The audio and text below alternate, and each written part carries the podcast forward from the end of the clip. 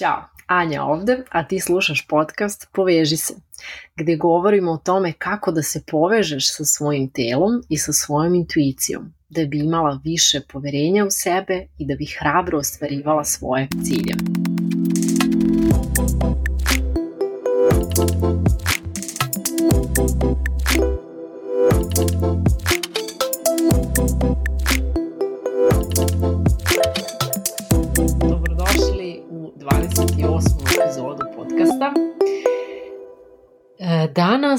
želim onako kratko da podelim sa vama šta znači um, kada se zarobimo u priči, u priči koju sami sebi zapravo pričamo i pletemo oko raznih okolnosti u kojima se nađemo. Pričat ću iz svog ličnog iskustva prošlonedeljnog, pa nadam se uh, da će vam pomoći, uh, daću i nekoliko pitanja koja sam ja sebi postavila da bih izašla iz, iz priče, odnosno iz tog transa i da bi se na neki način resetovala, tako da nadam se da će vam i ta pitanja pomoći, vrlo su korisna da nas izbace iz tog stanja u koje možemo da upadnemo. Ja sam, um, znate, i sami koliko već dugo godina vežbam i mindfulness i meditaciju, idem na coaching i sama sam coach i tako dalje, što opet uh, zna, znači mnogo, ali naravno svi smo ljudi i svi se ponekad nađemo u situacijama koje nas prosto na neki način preplave ako nismo dovoljno pažljivi, a naravno ljudi smo i desi se da nekad ne budemo dovoljno pažljivi da izađemo iz tih stanja i iz te priče. To jest ne samo da izađemo, nego da ne uđemo, da primetimo taj prvi korak kada um, onako polako klizimo u, u priču i u taj vrtlog. Uh, E sad, ja sam prošle nedelje, nekako je baš bilo ovaj, intenzivno kod mene. Pričala sam već i na podcastu da se nalazimo u sred e, adaptacije i renoviranja stana i to traje, trebalo je da bude gotovo pre, majde da kažem, dve nedelje, možda čak i više. Međutim, to je tako potrajalo, evo već više od meseci i po dana, kako nismo kod kuće muž ja, kod mojih smo roditelja, srećom oni su tu blizu i ovaj, bili, su, bili su dobri roditelji i dozvolili nam da budemo kod njih. Što je sve super i sjajno, ja naravno volim da budem kod svojih, nemam nikakav problem s tim.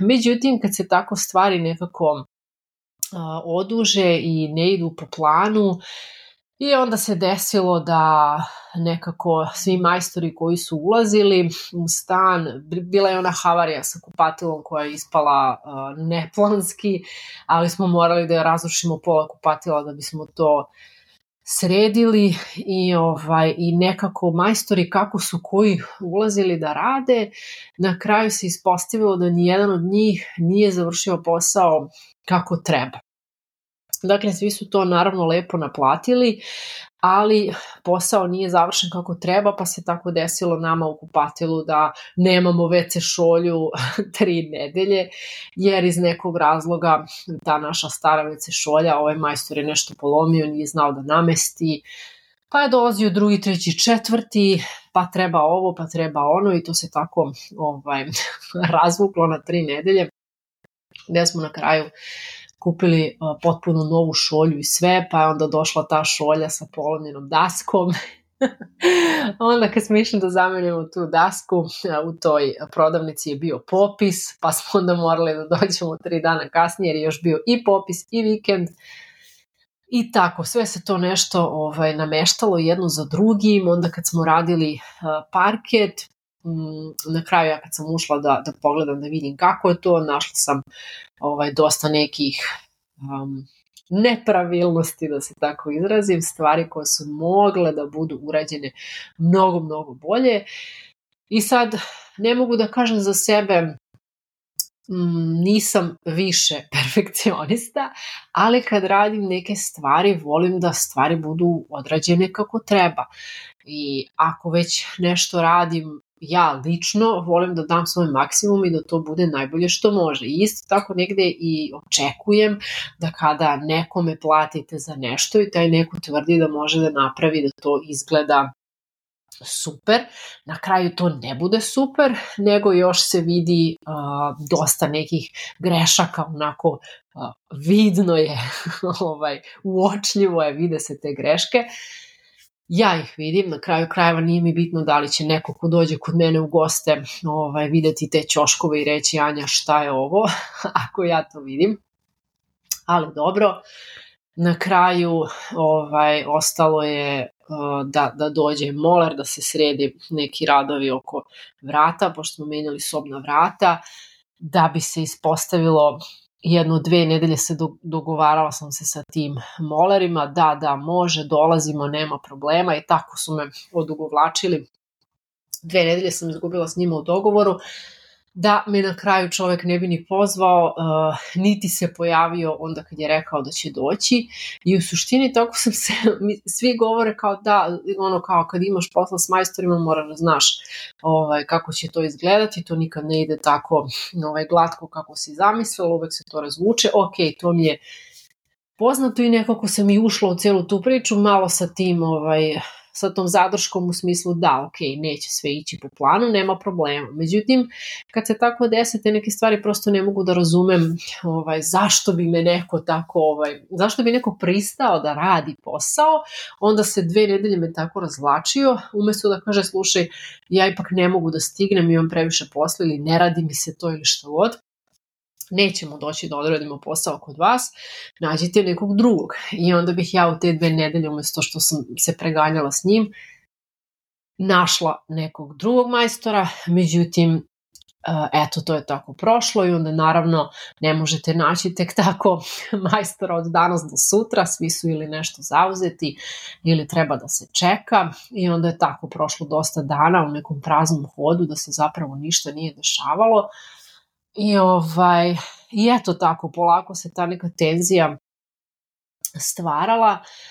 I, ovaj, I onda sam još ja, m, m, pošto sam trudna sam i i neko, nešto me, neki rinitis mi se onako pojačao posljednjih mesec, mesec i po dana, tako da sam prilično onako loše ispavala i zapuši mi se nos i onda se probudim pa ne mogu da zaspim par sati i tako, baš mi je bilo ovaj, neprijatno u smislu da nisam mogla lepo da spavam, a nedostatak sna ovaj, kod mene makar izaziva ono iritabilnost i ono što se kaže, e, nisam baš sva svoja. Ukoliko se ne naspavam kako treba i onda preko dana kao neki zombi, iako ja odmorim i odremam preko dana, opet to nije to. I to sam htjela da kažem, dakle, e, eto, cijela ta neka priča oko stana koja se toliko razvukla, moji ono lični ovaj, izazovi sa disanjem, sa, sa tim rinitisom, I, ovaj, i, i tako nekako sve te, da kažem, stvari koje su možda onako i po površinske, nekako su uspele da me iziritiraju i samo su se pakovale jedna onako na drugu i onda usput kako to biva vrlo je lako ovaj, eksplodirati, posvađati se sa najbližima oko najmanje sitnice ovaj, i prosto sam tako upala sam u sobstvenu priču. Nisam primetila ovaj, taj trenutak kada sam ovaj, skliznula u taj vrtlog, odnosno kako to Tara Brak kaže, kada sam upala u trans. U trans te sobstvene priče i onda je odjednom je postalo sve nekako previše I bilo mi je i prenaporno i samo su mi se vrtele onako jedne te iste misli ovaj, oko svega toga što se dešava i kako je teško i kako ovo i kako ono. I tu sam onda primetila ovaj, prvo zapravo kako primetim da, da nešto nije okay, je taj osjećaj u telu kada primetim tenziju u mišićima. Naprimer, o to osetim najviše u onim momentima kada um, odem da odspavam i onda onako kada se telo krene da se opušti do da tone u san, ja osetim veliku tenziju i grčenje u mišićima. I to sam primetila i tu sam shvatila kao Anja, ovo nije okej, okay, ovo stvarno nije okej okay. i počela sam da se osjećam onako baš teško, u smislu iznureno, iscrpljeno i sebi sam tu rekla ne možeš više ovako, ovo e, jednostavno nije ok. Moraš da se vadiš iz ove priče, malo si previše ovaj, skliznula u taj trans.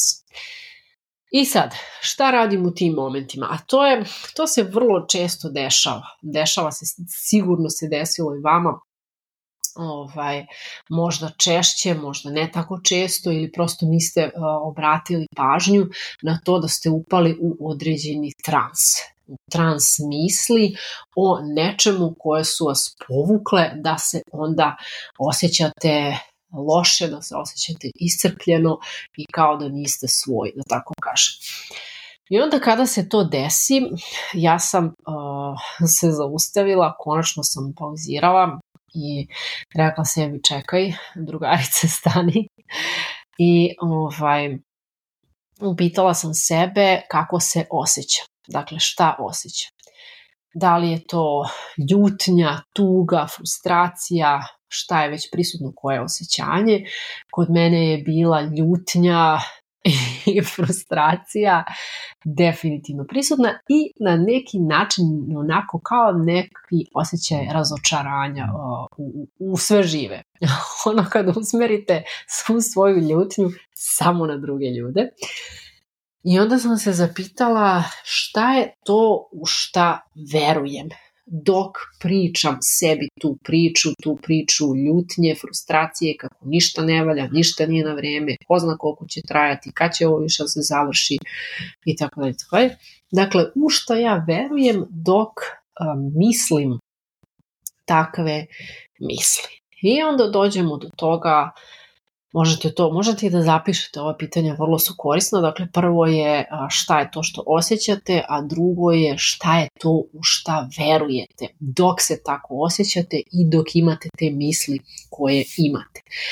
I sad, ono što može biti kao odgovor na pitanje šta je to u šta verujete, može biti, mogu biti i neka od um, ovih, kako se zove, uh, uverenja, onih ključnih uverenja koja nosimo sa sobom, na primer, nešto nije u redu sa mnom a, ili a,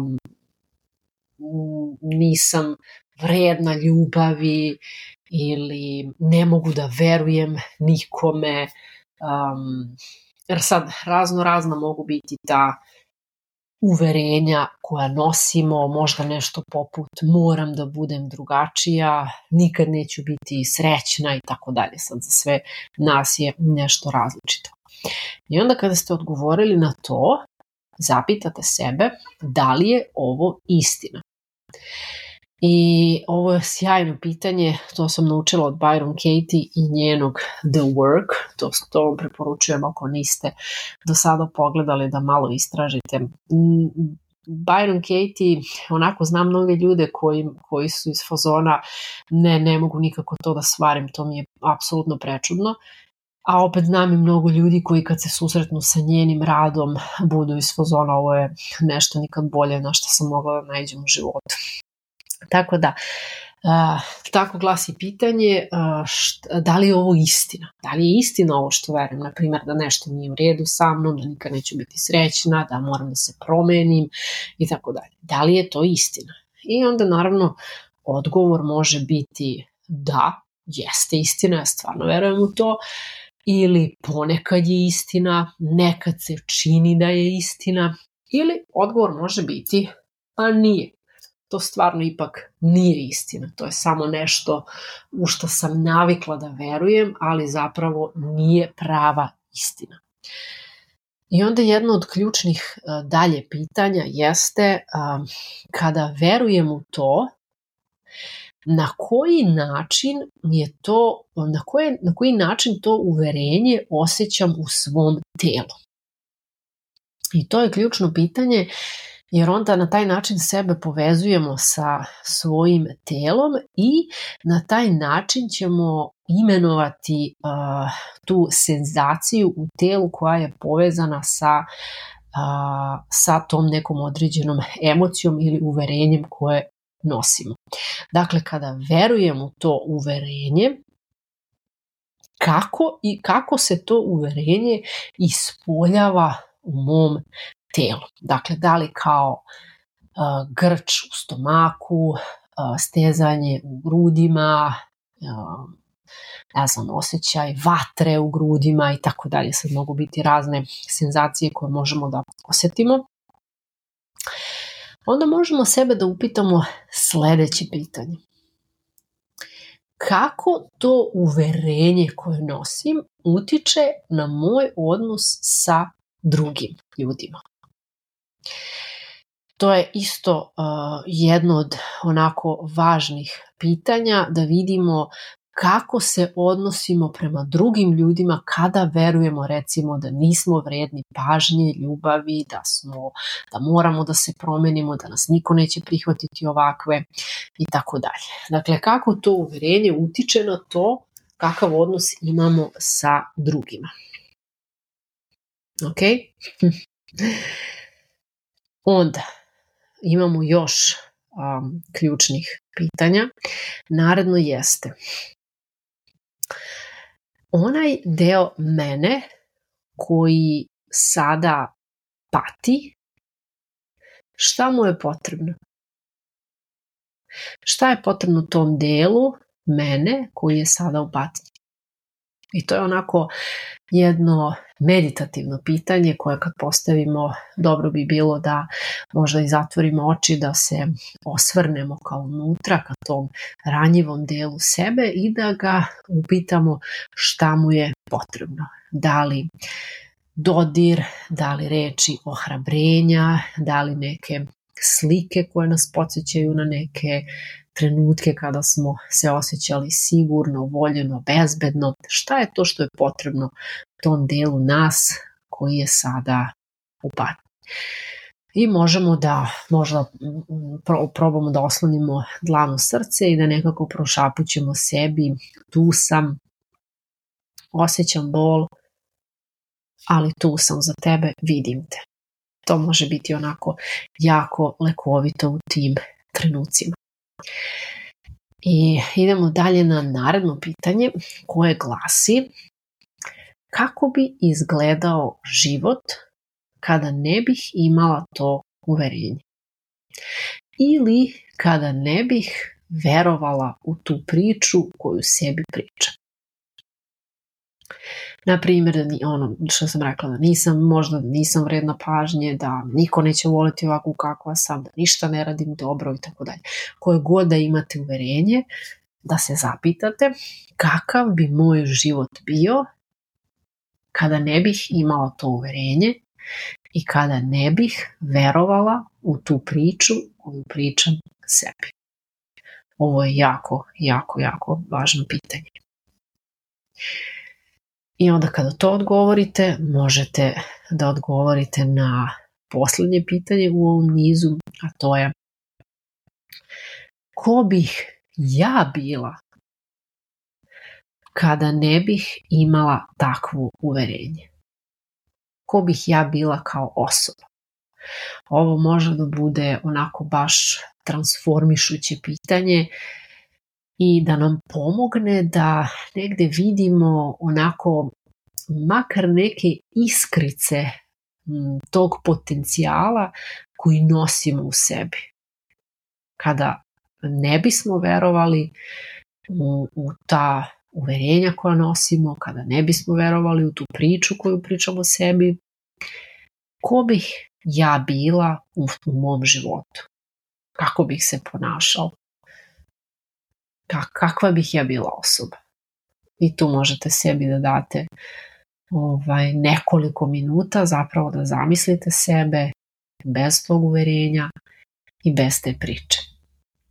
I dajte sebi vremena koliko god da je potrebno da zaista osetite ko biste bili kao osoba kada ne biste verovali u to uverenje i u tu priču koju vrtite. Tako da Eto, nadam se da, da će vam ova pitanja biti korisna.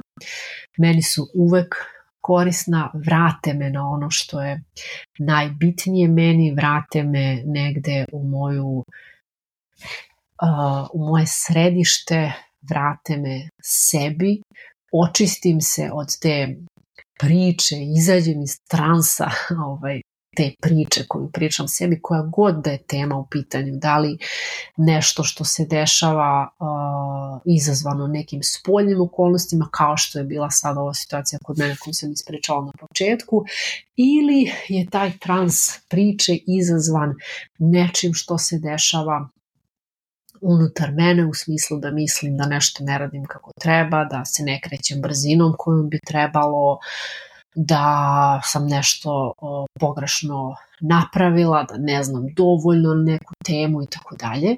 Tako da što god da je ono što je izazvalo taj trans u koji ste ušli, ova pitanja su jako dobra da zastanete nekih 15 20 minuta, da odvojite za sebe i da zaista onako u tišini, u, da se povučete i da date odgovore na ova pitanja, znam, znam 100% da će vam koristiti i da će vam pomoći da izađete iz tog transa u kome se nalazite.